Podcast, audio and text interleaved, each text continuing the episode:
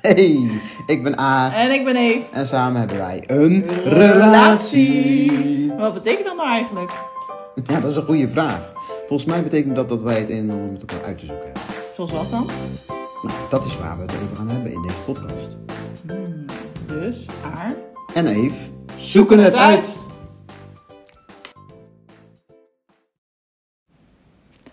Welkom bij een nieuwe podcast van Aar en Eve. Zoeken het uit. Vandaag communicatie. We Ja. gaan het over communicatie hebben we ehm, in het algemeen. En eh, ook vooral communicatie eh, binnen de relatie niet. Nee? Jawel. Waarom niet? Nee, waarom kijk je dan zo moeilijk? Dat helpt niet. Nee, ik zit even te checken. Nee, dat is ook communicatie. Maar dat is een misinterpretatie van eh, mijn, mijn communicatie. Ik zat even te checken naar het lijstje. Nou, het begint goed. Communicatie is lekker op gang. Oké. nou, misschien wel een hele We zitten mooie- nu al in het stuk dat wat niet gezegd wordt. Ja, inderdaad. Misschien al wel best een mooie start van deze podcast. Oh, de- eh, we gaan gewoon door. Ja, natuurlijk. Dit is een hartstikke mooie illustratie van hoe communicatie meteen mis kan lopen. En vooral de, de non-verbale communicatie in Ja, dit en geval. de eh, interpretatie daarvan.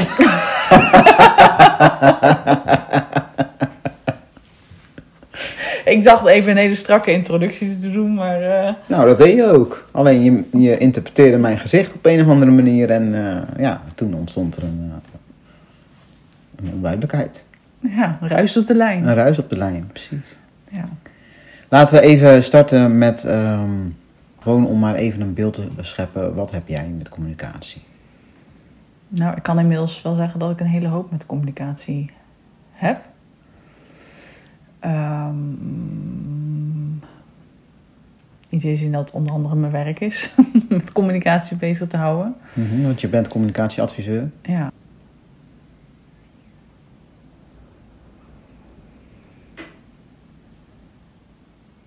Het is mooi, dit. Want stilte is ook communicatie. En is eigenlijk wel heel passend bij jouw communicatiestijl. Ja. Ik vind het zo lastig. Mhm. Ik kan ook even een voorzetje geven, dan kun je daarop inhaken. Nee, maar dan ben ik dus zat. Oh. Dat ik altijd maar voorzetjes nodig heb. Voor mij een voorzetje geven. Hmm. Ja, communicatie is voor mij een manier van, van verbinden. Verbinden met elkaar. Mhm. En ook de verschillende vormen van communicatie. Dus zowel non-verbale communicatie als de stiltes, als het gesproken woord.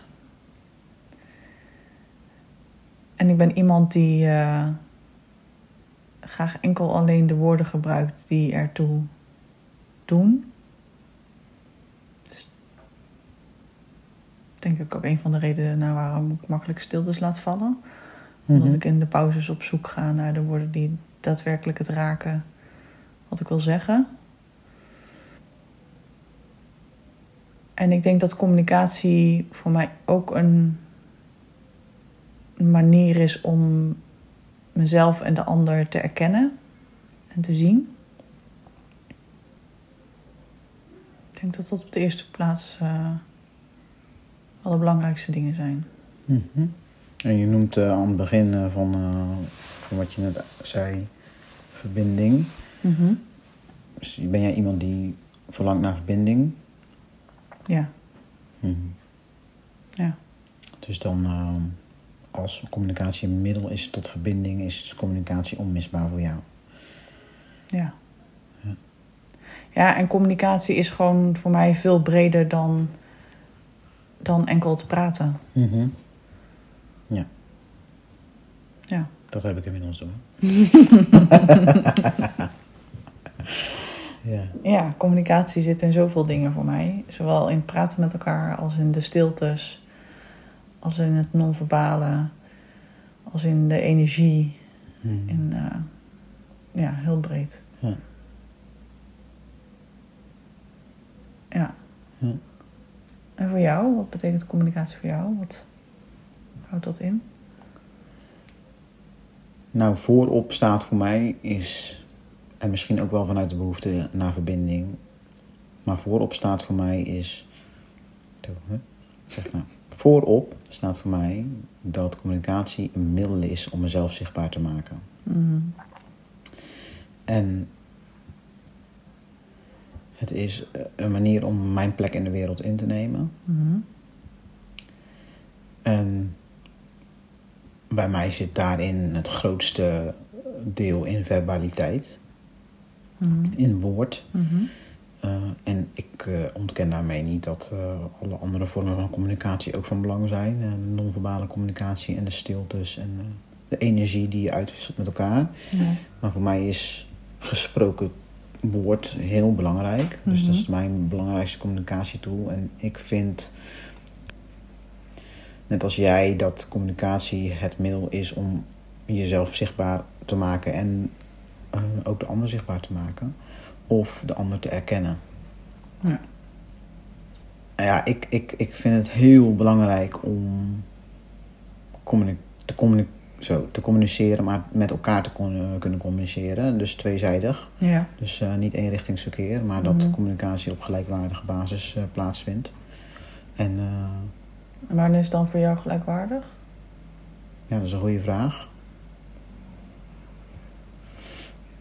Nou, ik, ik spreek nu vanuit een bepaalde behoefte die ik heb. Dat wil niet zeggen dat dat natuurlijk altijd kan. Dus eh, Mhm. sommige mensen zijn misschien op een andere manier bezig met communicatie.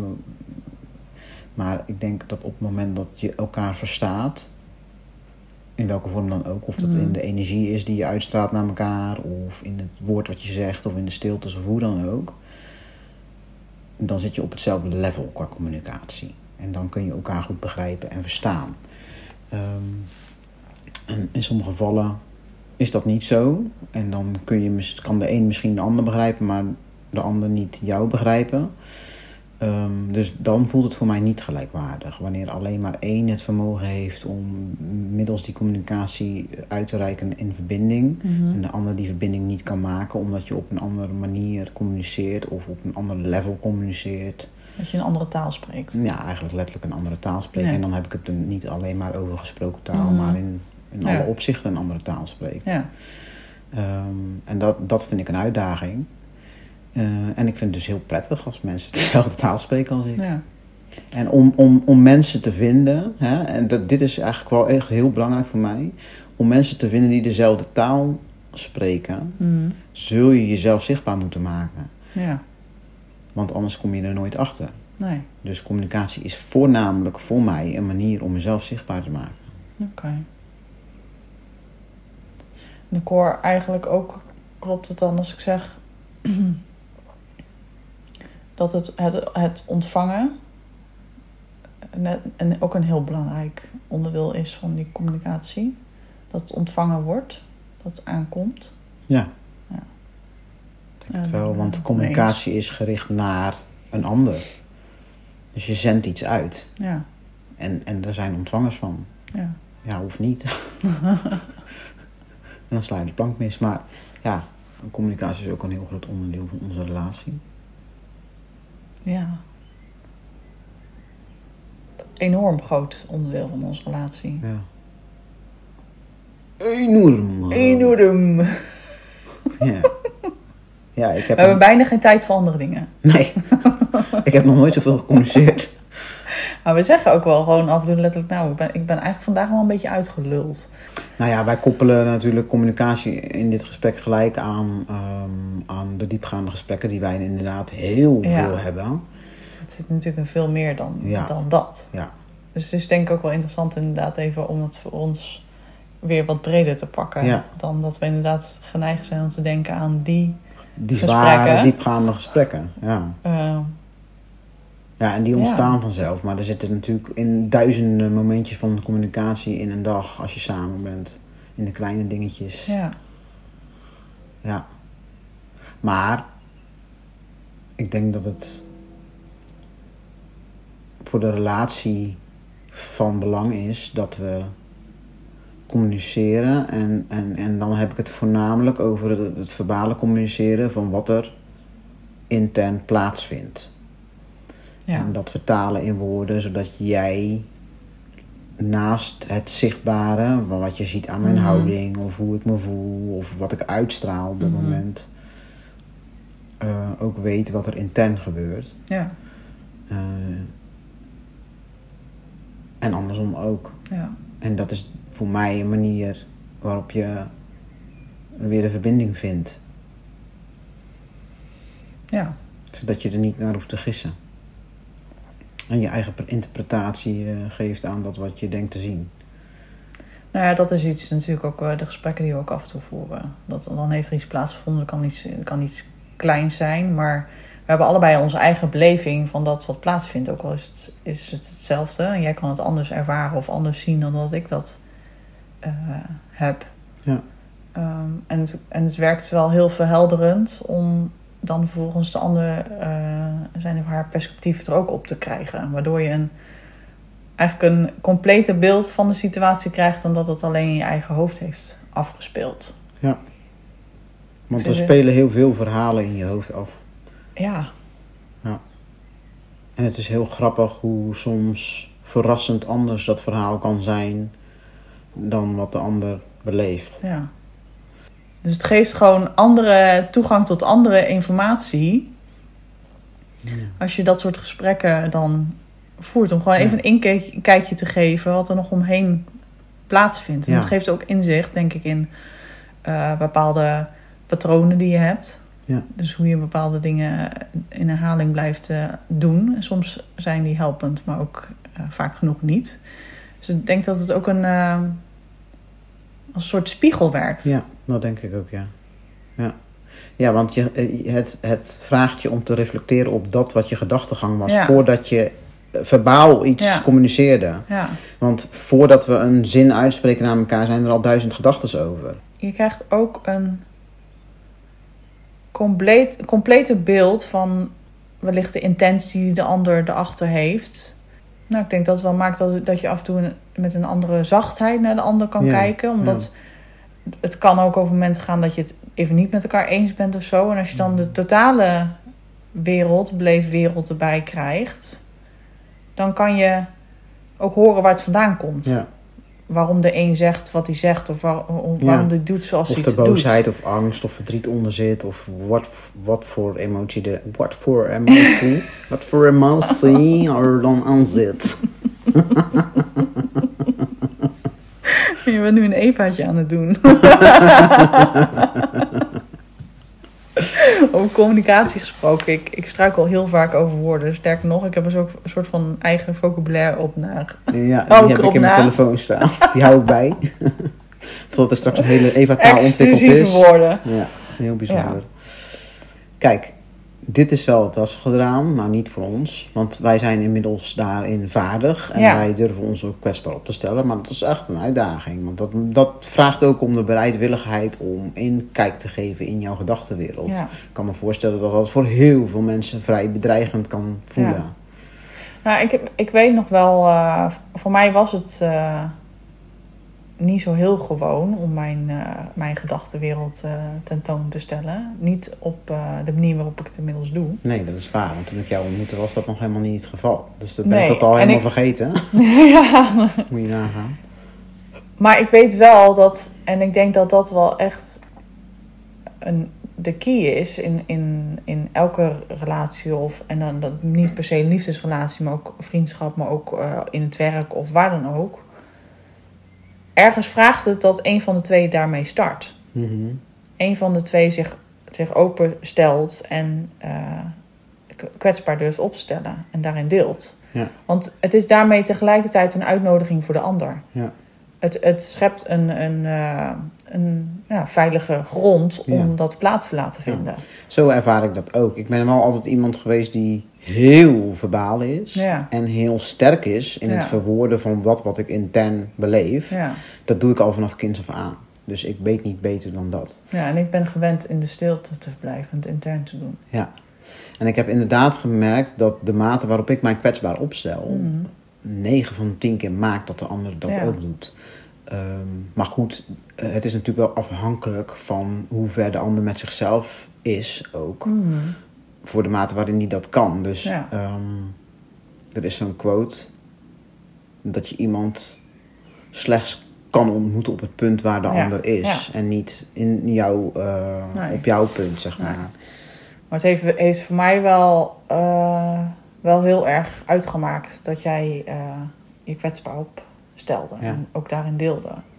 Dus niet zo dat ik nu heel makkelijk kwetsbaar naar jou kan opstellen, dat ik het daarmee met iedereen doe. Ik Mhm. kies wel uit bij wie ik het Ja. doe. Ja. Niet overal voelt dat even eh, veilig om dat Mhm. te doen. ja, eh, voor mij werkt het anders. Ik doe het wel bij iedereen bijna. Ja. En dat heeft te maken voor mij met als ik me kwetsbaar opstel en ik ben volledig zichtbaar, Mm. dat zeg ik wel eens vaker, hè, Ja. dan kan ik pas zien, dat voelt voor mij heel veilig in plaats van niet veilig. Omdat Ja. als ik volledig zichtbaar ben, dan kan ik op basis van wie ik echt ben, zien hoe anderen zich verhouden tot mij. En dan kan ik daar gelijk uitfilteren wie zich op een voor mij veilige manier tot mij verhoudt. En met wie ik dus meer verbinding wil aangaan. Of mensen die dus helemaal niet resoneren op hoe ik ben of wie ik ben. Ja. En dan weet ik gelijk, nou, dat is niet iemand waarmee ik, eh, waar ik per se heel veel tijd voor ga investeren. In de zin van relatie, vriendschap of wat dan ook. Mm. Kijk, niet dat ik dan iemand afwijs. Nee. Maar iemand, dan weet ik wel gelijk van, oké. wij zitten niet op hetzelfde eh, level wat dat betreft. Wij, wij zitten niet op dezelfde frequentie. Ja. Ehm, wat ik ook nog wel echt heel belangrijk vind binnen communicatie en ook binnen communicatie in onze relatie, wat voor mij heel prettig is tussen ons, is de manier waarop je communiceert. Mm. Dus de woorden die je gebruikt en hoe je een weergave geeft van je innerlijke beleving, Mhm. zonder daarbij verantwoordelijkheid bij een ander te leggen, of Ja. eh, zonder eh, schuld te plaatsen of te wijzen, of eh, te spreken van, vanuit jij doet, of jij zegt, of Ja. jij gaat, of constant dat jij, maar altijd vanuit de ik-beleving. Mhm. Ik ervaar dat, ik merk dat, ik zie dat, hoe het voor mij voelt is. Ja. In plaats van het bij een ander neer te leggen. En ik denk dat dat ook kwaliteit van ehm, communicatie, verbale communicatie Mhm. geeft. Omdat dat dan, dan hou je het bij jezelf en dan Ja. blijft het veilig voor de ander. Want de, de ander voelt zich dan niet aangevallen. Ja. Dat zeg ik nu, maar dat vraagt ook een bepaald vermogen van iemand anders om het niet als een aanval te zien. Want als je een negatief zelfbeeld hebt, of je denkt kritisch naar, je- eh, eh, over jezelf, dan kan dat alsnog natuurlijk voelen als een aanval. Ja. En dan kun je nog steeds wat anders horen dan wat de ander zegt. Maar ik denk dat het wel belangrijk is om bepaalde vaardigheden te hebben, om, zodat je weet hoe je dingen kunt bespreekbaar maken. Ja.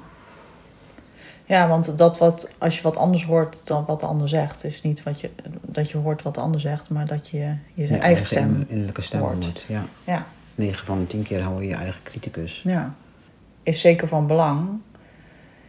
En de realisatie dat, dat je allebei je eigen triggers hebt. Ja. Dus dat waar jij op geraakt wordt, Hmm. eh, zit, zit niet in mij. Dus ik kan, kan onbewust iets bij jou aanraken. Wat totaal niet mijn intentie is, maar wat, wat bij jou een gevoelig punt is, waar ik mij niet van bewust ben. En het is mooi als je dat dan ook weer weer kunt geven. Ja. Oh, ik merk dat wat je zegt mij raakt. Ja, Dat heeft niet te maken met het feit dat jij dat zegt, maar Ja. het heeft te maken met het feit dat dit een gevoelig punt voor mij is. En dat komt zus en zus en, en zus, Ja, en, nou ja, en- zus, zus en zus en zus, zus. zus en zus en zus. Zus en zus, zus. Maar dat zeg je nu. Maar er zijn ook genoeg momenten, en ik weet dat sowieso van mezelf, dat ik ergens in geraakt word, maar in dat moment niet meteen erbij kan wat dat dan is wat mij raakt. Maar dat hoeft ook niet. Nee, dat hoeft ook niet. Dat hoeft zeker ook niet. En, en dan, als dat gebeurt, dan eerst daar onderzoek op plegen voordat je daar, vanuit daaruit naar de ander gaat Gaat reageren. Ja. Uit die emotie. Ja. Waardoor je de ander eigenlijk bestraft. Ja, en, dan bij, en eigenlijk ga je dan uit communicatie, uit Ja. verbinding. Want dan ga, je, dan ga je niet vanuit verbinding communiceren, dan ga je vanuit het terugschoppen, even zo gezegd. Terugkaatsen. Oog, tand om tand. Ja, Gewoon dan, strijd. dan, wordt, dan het verlies je de verbinding. Ja. Ja. Dus dan is er, is er of nodig dat daar eerst gezamenlijk... dus Het kan helpen om daar gezamenlijk naar te, te onderzoeken. Het kan helpen als... Ik weet dat het voor mij helpt als jij daar vragen dan over stelt. Ja, maar wat, je ook, wat ook kan, bijvoorbeeld in zo'n situatie, is dat je aangeeft: joh, ik merk dat ik geraakt ben. Ik weet nog even niet waar dat over Ja, gaat, maar ik ben ook. nu geraakt. Dus ik Ja. ga even, ik stop dit gesprek nu even. Ik heb even ruimte voor mezelf nodig. Laten we het er later nog even over hebben. Ja. Ook dan van- gaat het weer over die verantwoordelijkheid.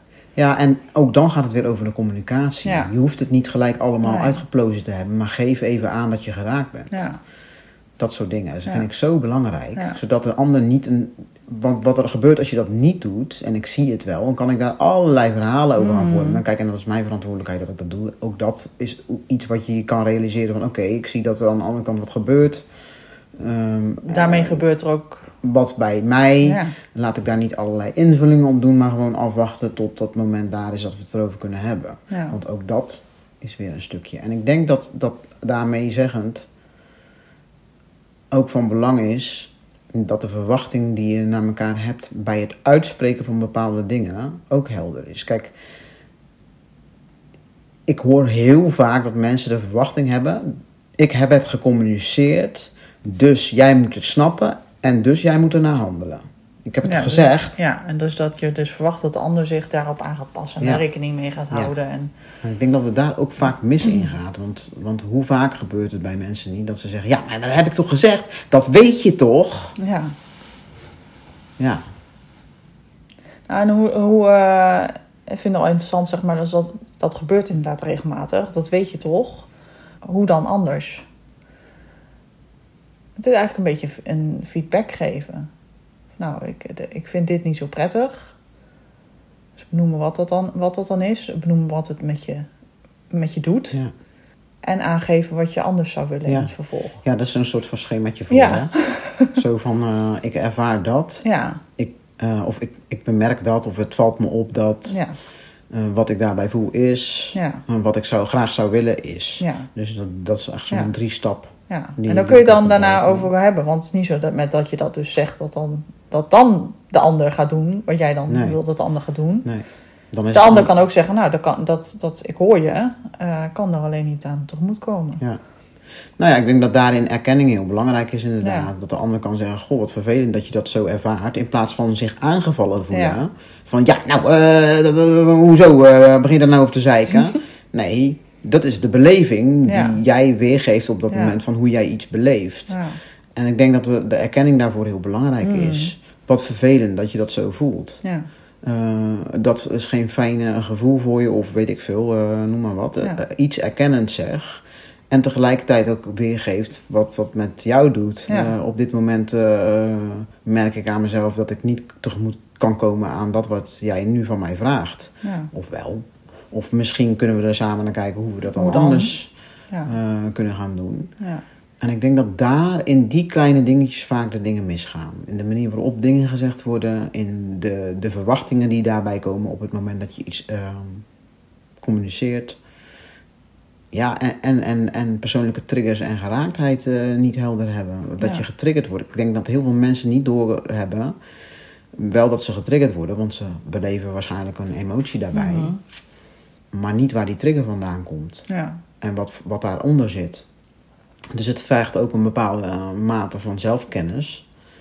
eh, wil je goed kunnen communiceren. ja,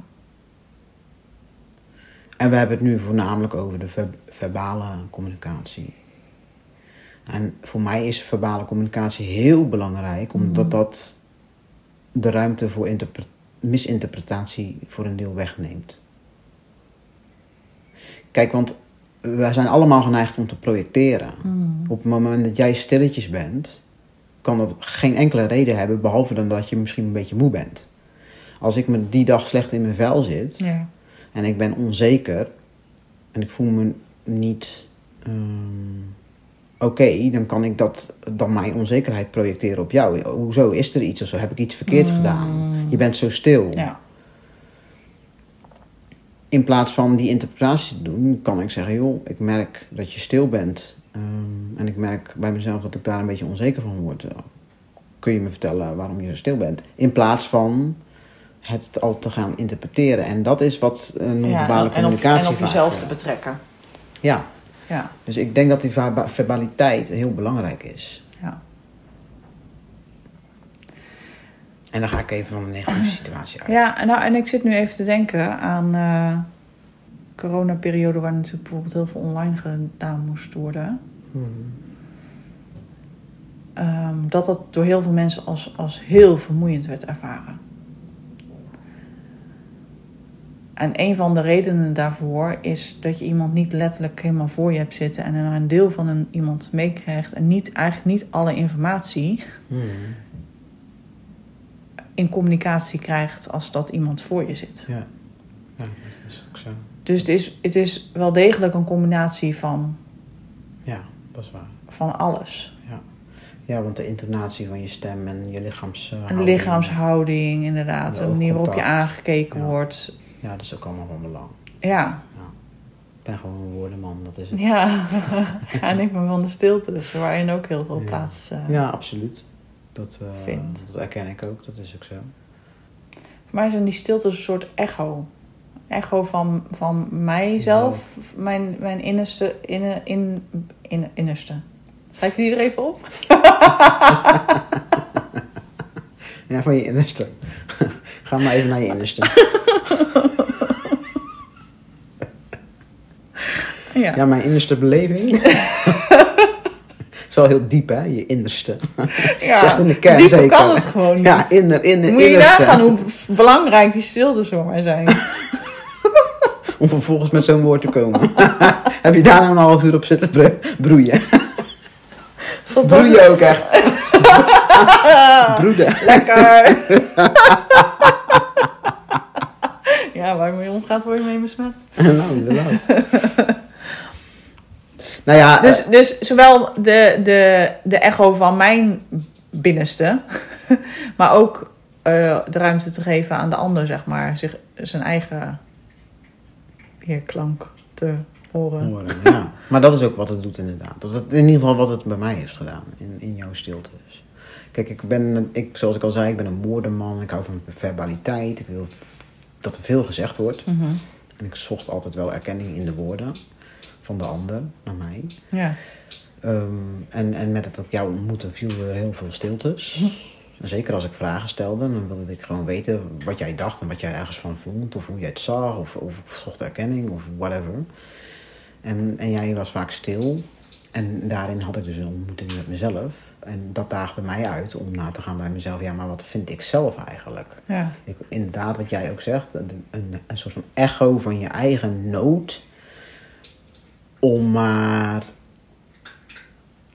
eigenlijk uit te lokken dat wat je van de ander wil horen. Want daar was ik eigenlijk altijd mee bezig. Ja. Ik wilde eigenlijk altijd datgene wat ik dacht toetsen aan of het waar aan, aan, aan, aan, jou zeg maar of het waar was of niet. Dus ik wilde eigenlijk ik eigenlijk gewoon erkenning voor mijn eigen interpretatie van Ja. hoe ik jou zag of hoe ik mezelf zag.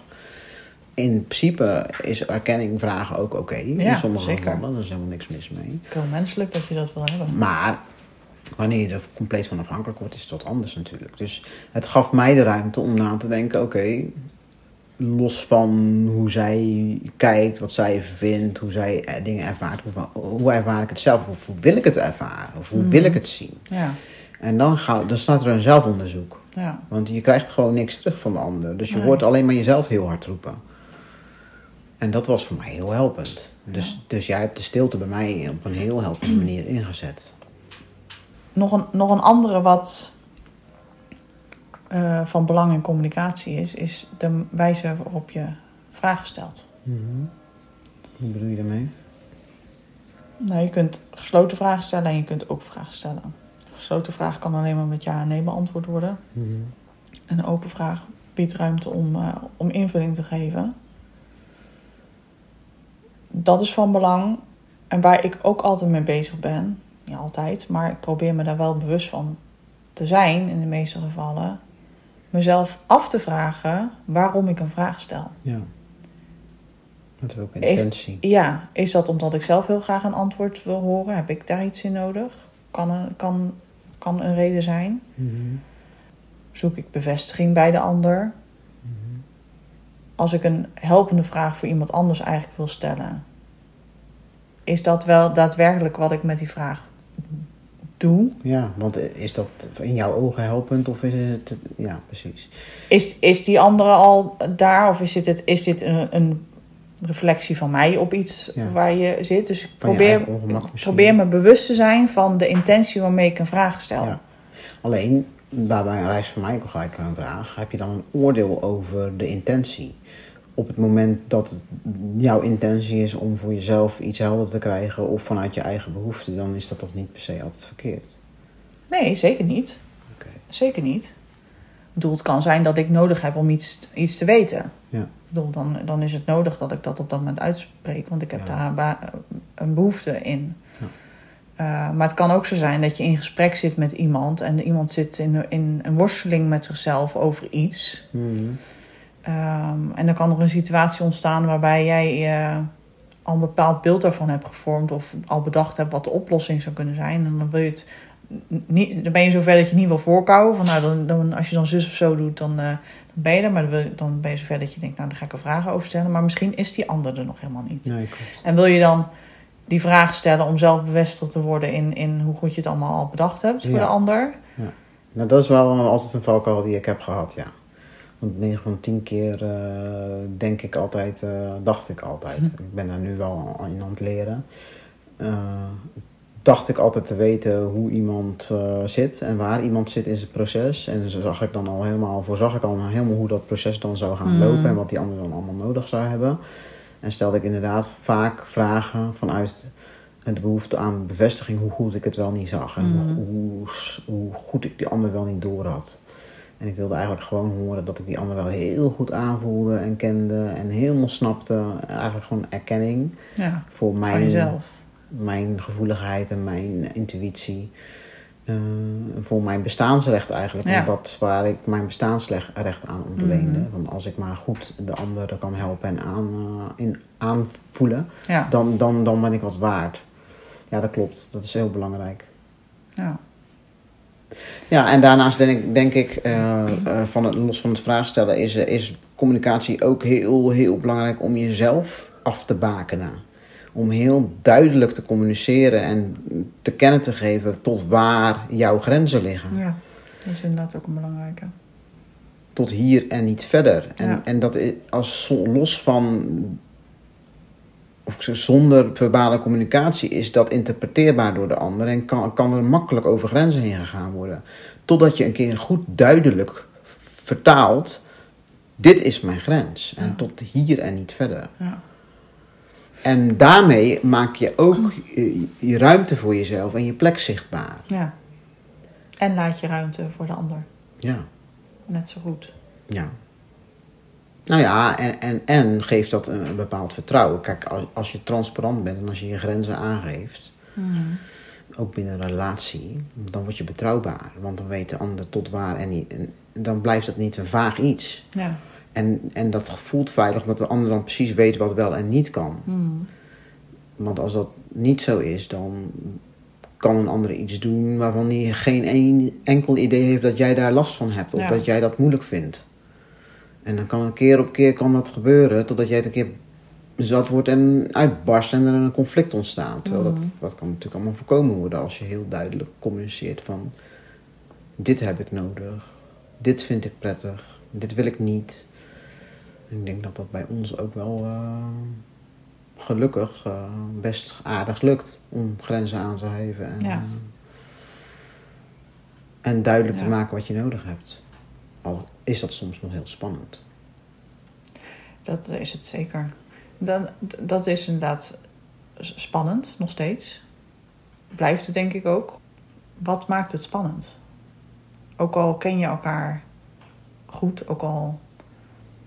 Ja, daar zitten natuurlijk ehm, diep gewortelde overtuigingen aan vast en, Ja. eh, en angst. Ja, Voor mij geldt dat het spannend maakt dat ik nog steeds bang ben ergens voor om afgewezen te worden. ja.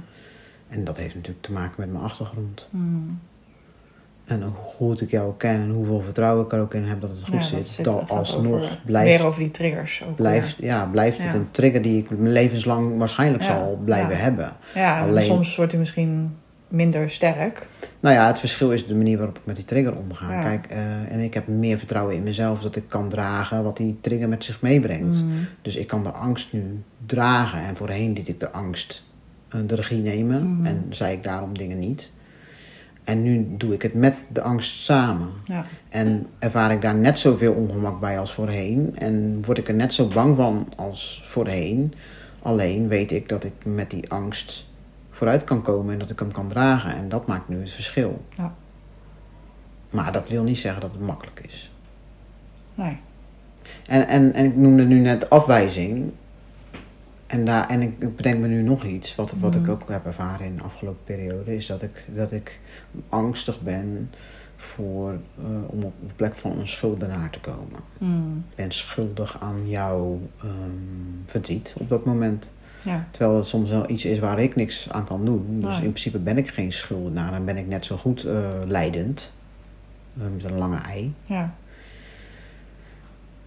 Maar dat is ook wel een, een punt waarvan ik soms denk van jeetje, ik heb hier zo geen zin in, laat maar. Ja. Ik zeg het niet. Want dan doe ik Ja, dus uit angst om de pijn ander, de ander pijn te doen, Ja. Het dan niet uit te spreken. Ja. Terwijl dat dan vervolgens Dat- zijn eigen leven in jou gaat leiden. Ja, dus, dan stapelt het zich op in mezelf en dan vreet het Ja. mij aan. Dus dat doet mezelf pijn. ja, Dus uiteindelijk moet, je, moet ik er dan voor kiezen, moet- ik hou het bij mezelf, moet Ja. ik er dan voor kiezen om het wel uit te spreken. Ook al is dat echt niet tof. nee. En wat is dat, bij- wat, wat, want jij stelde nu de vraag, om er samen antwoord op te geven, maar hoe, hoe zit dat bij jou? Wat maakt het voor jou moeilijk om je soms uit te spreken? Of om de vragen te stellen? Nou, ik denk dat het, dat het ook wel om afwijzing gaat, bang voor afwijzing. Niet goed genoeg gevonden te worden. Mhm. En ik denk dat er ook wel een component in is. Ik moet nu met een gniffel component. Ik gooi er even een duur woord in. Doe maar, doe maar. Vocabulaire, nou. Dat maakt dat innerste weer goed. Compensatiegedrag. nou, ik ben diep onder de indruk nu. De, de stem van binnen is ook een, een, een, een grote speler in communicatie, zeg maar. De innerlijke criticus De je? innerlijke criticus. En dat je zelf ergens een verhaal van gemaakt kan hebben. En soms met het uitspreken. Van binnen is één ding. Maar als het van buiten ook waarheid wordt, dan is het zeg maar een dubbele. Hmm, dubbele eh, Klap. ja, lijdensweg. Dus wat als dat ook nog eens bevestigd wordt? Dus Ja, dat. ja. dat eh, angst ook. dan. ja, Ja, Ja. Dat, dat snap ik wel, ja. ja. Dat maakt het wel eng om vragen te stellen. Ja. ja. als het dan gaat om eh, gat.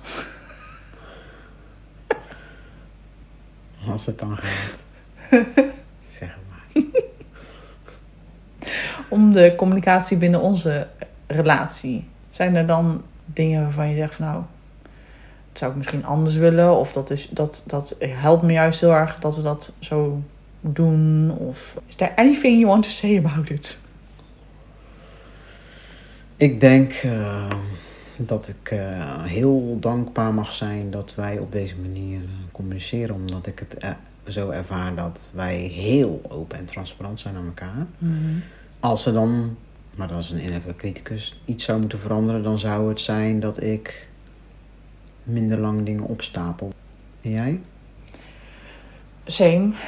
Ik, eh, nou, ik, ik zeg dat sowieso al vaker hardop, maar ook eh, zowel naar jou, maar ook naar anderen. Dat ik eh, nou, gewoon trots daar ook op ben. Hoe we dat hebben vormgegeven samen. Nou, het, het brengt, voor mij brengt het me ook wel echt dichter bij mezelf. Dus dat vind ik er heel prettig aan. En, en ik merk dat het ons ook dichter bij elkaar brengt. En ik denk dat voor mij eigenlijk precies hetzelfde geldt als, als voor jou. Alleen dan weer denk ik vanuit een andere beweegreden. Dat ik wel, nog, nog wat eerder het mag zeggen vanuit mezelf, zeg maar. We begonnen de podcast eh, waarbij jij zei, nou doe jij dan vandaag de intro. En dat ik dan zoek naar woorden en dat je zegt, zal ik even een voorzetje doen? En dan komt het meestal al op gang. En dat ik zei, nou, maar ik wil eigenlijk gewoon nu vanuit mezelf. En dan... eh, eh, en niet dat ik altijd maar een voorzetje nodig heb. En aangeslingerd moet worden. Dus dat is een beetje waar het dan voor mij over gaat. Want ik voel al veel meer dat ik eigen verantwoordelijkheid neem, mijn plek inneem door inderdaad te delen. En ik merk dat ik af en toe nog misschien wat te vaak voor mijn eigen gevoel, dat dat nu een beetje begint te wringen af en toe. Dus ik denk dat het een goed teken voor mij is. Dat ik denk, nou, ik mag het wel vanuit mezelf zeggen. In plaats van dat ik dan toch weer wacht dat jij misschien net iets hebt gezien en dan één vraag stelt en dan komt het wel. Hmm.